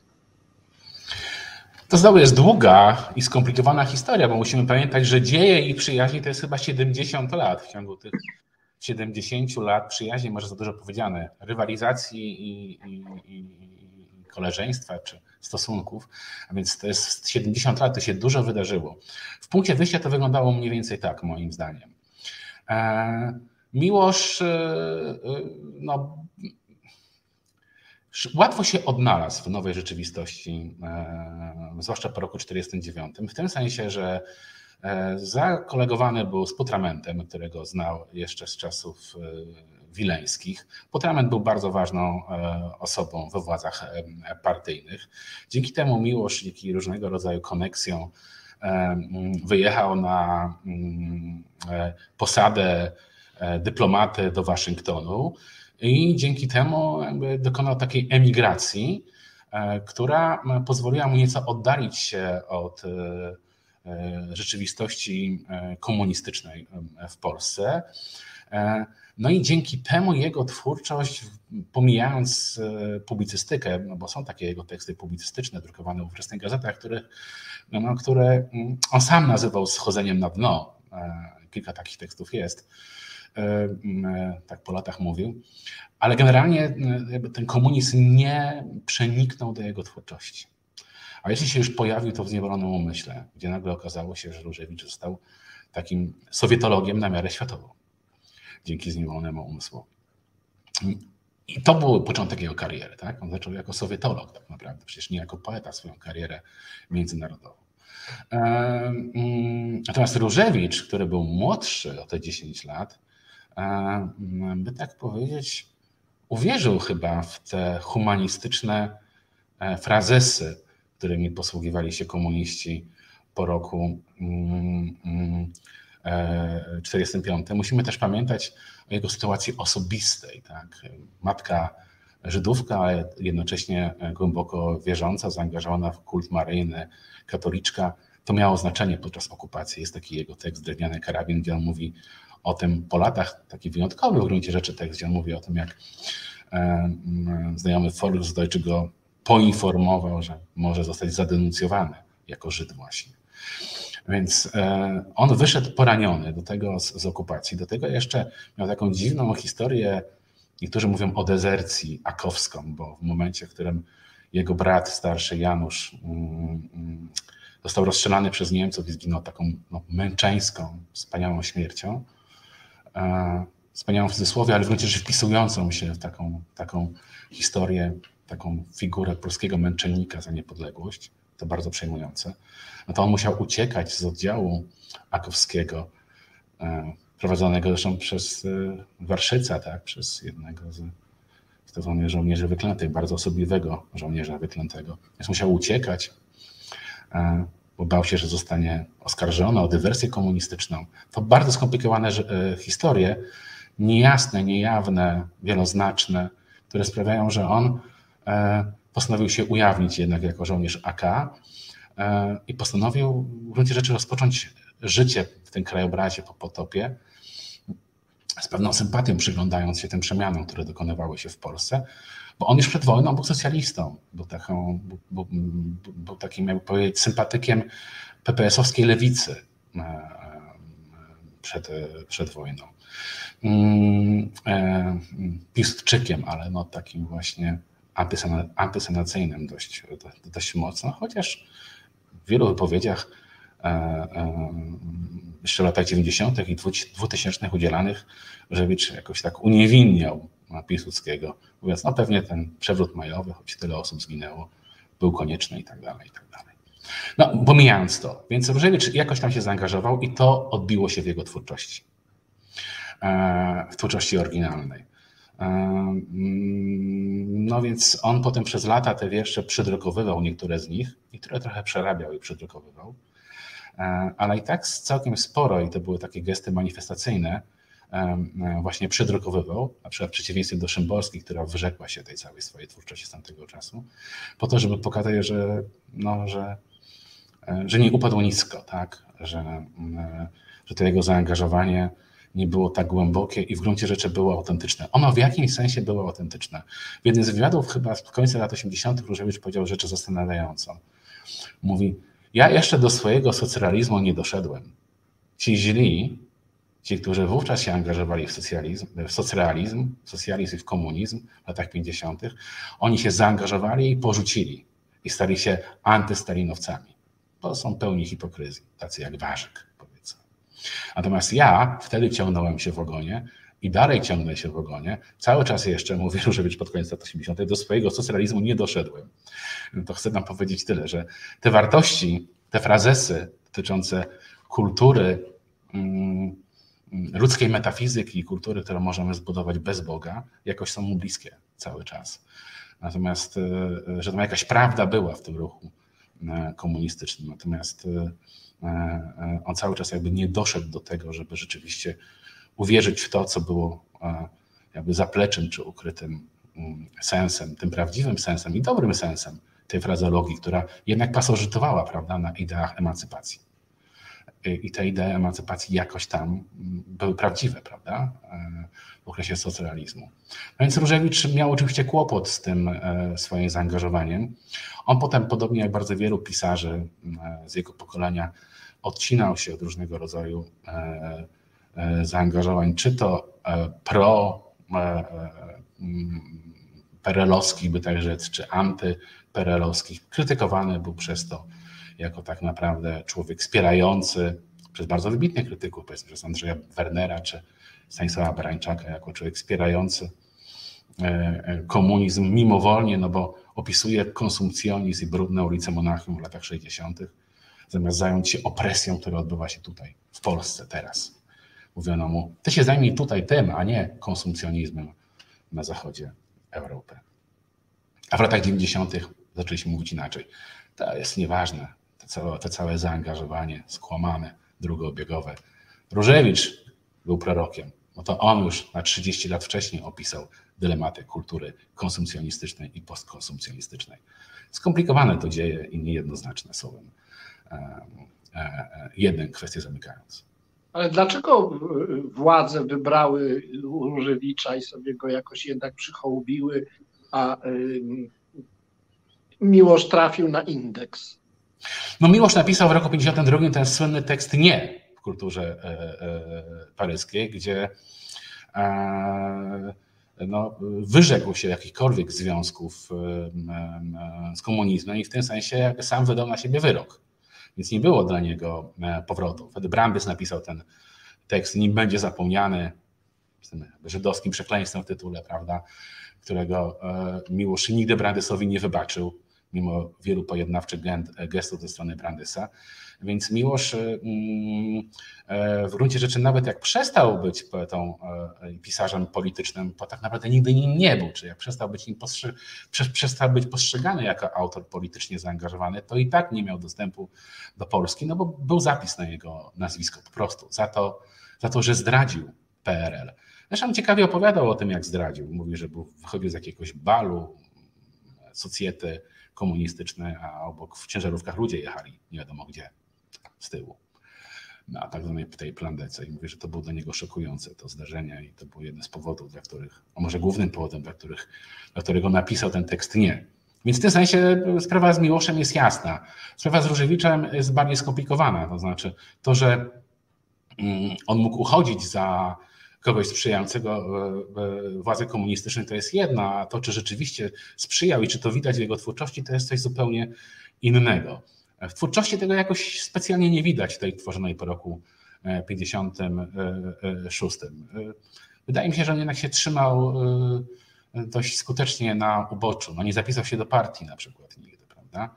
Mimo, mimo tego, że go do tego namawiano. No, głośne są historie ludzi, którzy byli w partii, albo w roku 68 albo 81 dopiero rzucili. No i te historie są omawiane. Ale historia kogoś, kto nigdy nie był i nie rzucił, jeszcze jakoś okazuje się bardziej, bardziej, że tak powiem, trefna niż historia tamtych. No to takie paradoksy.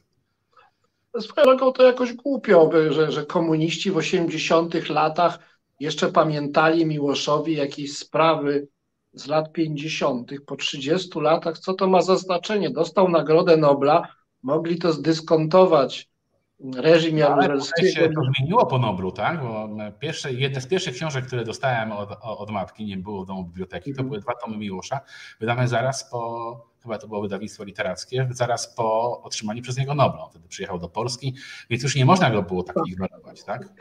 Nobel ale wcześniej, ale wcześniej tak, no to też wystarczyło pisać paryskiej kulturze pod nazwiskiem, prawda? To były wyczyny, kiedy niektórzy pisarze, Andrzejewski tak robił, E, e, zaczęli pod własnym nazwiskiem pisać w paryskiej kulturze w latach 70., czy jeszcze, jeszcze nawet w 60. No to, to to jest coś, prawda? No to wystarczyło w paryskiej kulturze pisać, żeby e, wyrobić Mnie to sobie... bardzo fascynuje, bo reżimy zwykle mają jakichś nadwornych, takich niecałkiem pokornych pisarzy, na przykład Ilia Ehrenburg czy Wasilij Grossman u Stalina, i, i to dosyć były odważne wielkie, wybitne teksty, no ale też politycznie odważne, a jakoś polscy komuniści tak tej odwagi nie mieli. E, panie profesorze, już powoli będziemy zmierzać do końca. Ja chciałem jeszcze jeden wątek poruszyć, bo e, większość naszych gości to są osoby e, o poglądach centrolewicowych bądź zdecydowanie lewicowych. Wydaje mi się, że pan należy do tej mniejszości o poglądach raczej centroprawicowych. No więc y, wypadałoby zapytać w związku z tym, jak pan e, widzi rolę i, i, i przyszłość no, tego, co jest fundamentem prawicowości czy konserwatyzmu w tej części świata, czyli, e, czyli chrześcijaństwa. Czy pan sądzi, że w, przez te wszystkie turbulencje, które nas czekają, które się już zaczęły, łącznie z e, ociepleniem klimatu, że tak powiem, ręka Boża nas prowadzi i czy e, chrześcijaństwo ma tutaj do odegrania jakąś rolę i czy w ogóle przetrwa ten kryzys, arcykryzys. Tak, no więc ja nie ulegam, nie, nie, nie, unikam, choć to dla wielu osób są drażliwe kwestie dyskusji na temat poglądów politycznych. E, podoba mi się ta formuła ukuta kiedyś przez Kołakowskiego, która mówi o tym, że najlepiej być konserwatywno-liberalnym e, socjalistą i za kogoś takiego mógłbym się uważać. I nie ma w tym sprzeczności, jak dowodził Kołakowski. E, w obecnej sytuacji wydaje mi się, że najważniejszą kwestią jest jednak obrona liberalizmu w Polsce. I, i, i, i to chyba leży mi dzisiaj najbardziej na sercu, czyli ta idea, najprostsza idea, daj żyć, żyj daj żyć innym, tak? według tego wzoru, który oni sobie chcą, e, chcą wybrać. To jest proste i okazuje się prawie niemożliwe w takich krajach jak Polska. Mm, a jeśli chodzi o kwestię chrześcijaństwa, ostatnio były takie polemiki po wywiadzie Adama Michnika, mm, gdzie on e, ku zaskoczeniu wielu osób powtarzał te credo Kołakowskiego, że bez kultury chrześcijańskiej, bez pojęcia sakrum i tak dalej, i tak dalej, mm, e, kultura istnieć nie może, że ona musi się opierać na tabu. Ktoś to wytknął chyba Michnikowi w Gazecie Wyborczej. Zdaje mi się, że nie pamiętam nazwiska publicystka Znaku. Bardzo słusznie to zrobiła. Że w gruncie rzeczy ten tekst, to przesłanie Kołakowskiego i przesłanie Michnika to jest to samo przesłanie, które dzisiaj kieruje do nas Jarosław Kaczyński. I na tym polega katastrofa tego rodzaju myślenia. Innymi słowy, sądzę, że przed Kościołem dróg, długa droga ascezy, e, e, która mm, e, e, być może doprowadzi do tego, że odzyskamy jakąkolwiek wiarygodność. Martin Król powiedział kiedyś, i to jest mi dość bliskie sformułowanie, że szatan istnieje i Dowodem na jego działanie jest polski episkopat. E, e, no, mówi to dość poważnie, ja to powtarzam dość anegdotycznie, ale coś tym, ale e, coś tym, coś tym jest. Mm, innymi słowy, wydaje mi się, że taka droga bonheferowska jest przed nami cały czas. To znaczy, musimy, Kościół musi stracić swoją władzę, musi stracić swoje przywileje, żeby odzyskać wiarygodność. Bardzo wielu, bardzo wielu mm, mm, mądrych ludzi, mm, także z, z kościoła, z wnętrza kościoła, tak właśnie, tak właśnie, tak właśnie mówi. Obawiam się, że część kłopotów z demokracją w Polsce wynika z tego, że Kościół nie rozumie, ten Kościół hierarchiczny nie rozumie demokracji. Natomiast e, e, mam szacunek dla ludzi, którzy wierzą, mam szacunek dla ludzi, którzy mimo wszystko chodzą do Kościoła. Mam takich przyjaciół, tak? którym jest trudno, ale chodzą do Kościoła, bo przecież chodzą dla Boga, a nie chodzą e, dla partii rządzącej. Nie chcą wcale potwierdzać sojuszu tronu i ołtarza, tylko chcą mówić o tym, co jest tą wewnętrzną ich potrzebą metafizyczną, głodem e, mm, e, transcendencji. Tego bym nie lekceważył. To jest też jedna z rzeczy, które prowadzą nas do sztuki. Sztuka może być takim erzacem, czymś karmiącym tego rodzaju głód. Ale niektórzy potrzebują rytuału. Miło zresztą o tym pięknie pisał, o tej, o tej potrzebie rytuału. Myślę, że mm, nie ma powodu, żeby szydzić tej potrzeby rytuału że ona jest rzeczywiście realną potrzebą ludzką. No, ale Kościół, y, y, chrześcijaństwo to nie tylko Kościół katolicki.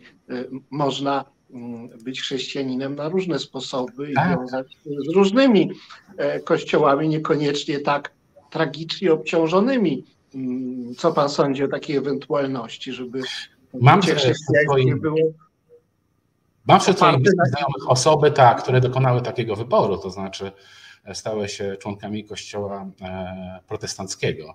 Mhm. Mm, e, patrzę na to z sympatią, mm, e, ale też z pewnym zdziwieniem, bo w gruncie rzeczy to, czego doświadczają w tym kościele, jest, jest istotą tej chrześcijańskiej wspólnoty, tej wspólnoty niezanieczyszczonej tak bardzo przez zepsute instytucje. I to doświadczenie tej wspólnoty mm, równie dobrze mogłoby istnieć także w ramach Kościoła katolickiego w Polsce. Być może ten kościół po prostu jest za mało katolicki cały czas i dlatego tak się, e, e, tak się e, dzieje. Tak, tak, rozumiem tego rodzaju wybory. Mam przyjaciół, którzy takich wyborów właśnie dokonują, czyli szukają chrześcijaństwa poza katolicyzmem, wierząc w to chrześcijańskie przesłanie ja tak mam, akurat mieszkam 200 e, czy 300 metrów od największego kościoła protestanckiego w Polsce, e, e, w Warszawie koło Zachęty jakby, prawda? Jest, jest kościół luterański, taki wielki mm, i czasem mi się zdarza mm, wstąpić tam w niedzielę, posłuchać pastora, bo to jest jakoś bardzo przyjemne. Ale takie to wszystko, co ci pastorzy mówią, jest takie pokojowe i przyjazne. Y, y, nie ma tam żadnego, żadnych jakichś nienawistnych, wrogich, y, wykluczających podtekstów, a jak się msza kończy, to ten pastor się żegna ze wszystkimi osobiście i w ogóle jest strasznie sympatycznie i miło. I tak sobie myślę, że może byłoby fajnie, gdyby wielu Polaków wierzących, no ja nie jestem wierzący, ale myślę, empatycznie o wierzących, raczej się wiązało z, z takimi kościołami, jak ten tutaj luterański. No ale to tak na, na marginesie. Wystarczy ma takie może naiwne wyobrażenie, żeby to wiele uprościło. E, e, ja, ja podzielam tę opinię, no tak, tak, tak. I, i rozumiem te wybory, jak mówiłem. No właśnie, może to też jest jakaś droga. Panie profesorze, zostało te pięć minut. E, które no, tradycyjnie przeznaczamy na taką swobodną wypowiedź.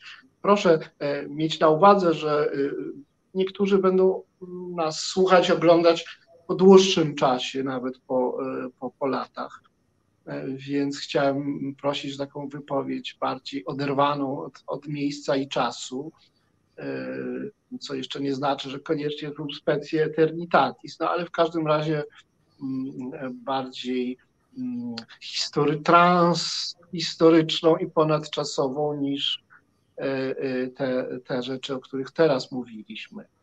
E, panie profesorze, tak, to są te minuty wyłącznie dla Pana, a, a ja bardzo, bardzo dziękuję za czas poświęcony długiemu przecież programowi w Radiu Reset. E, jestem zakłopotany, ale wiem, że tak właśnie jest.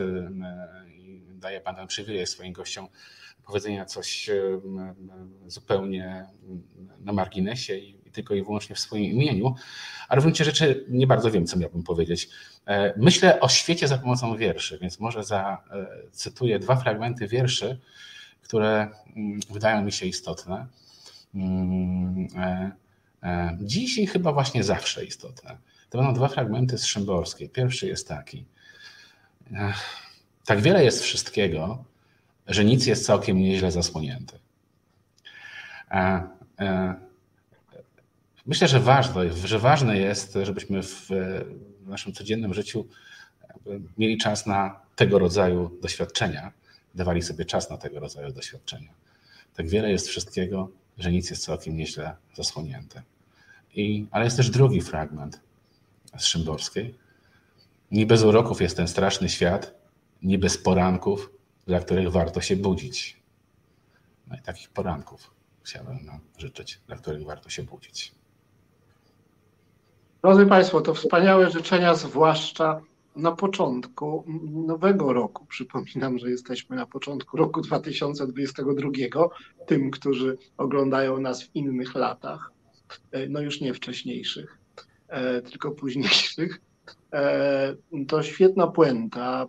Żegnamy się z panem profesorem Andrzejem Skrędą, który jest literaturoznawcą, profesorem Uniwersytetu Szczecińskiego, specjalistą od poezji, epoki modernizmu, ale nie tylko, e, znawcą, znawcą Różewicza, e, dziennikarzem, na pewno obecnym w różnych miejscach internetu, o którym tutaj dużo złego powiedziano.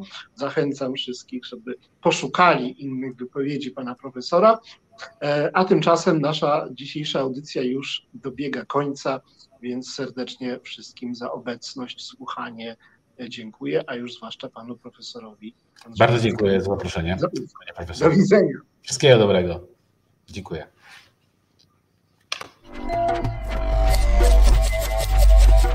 Reset Obywatelski.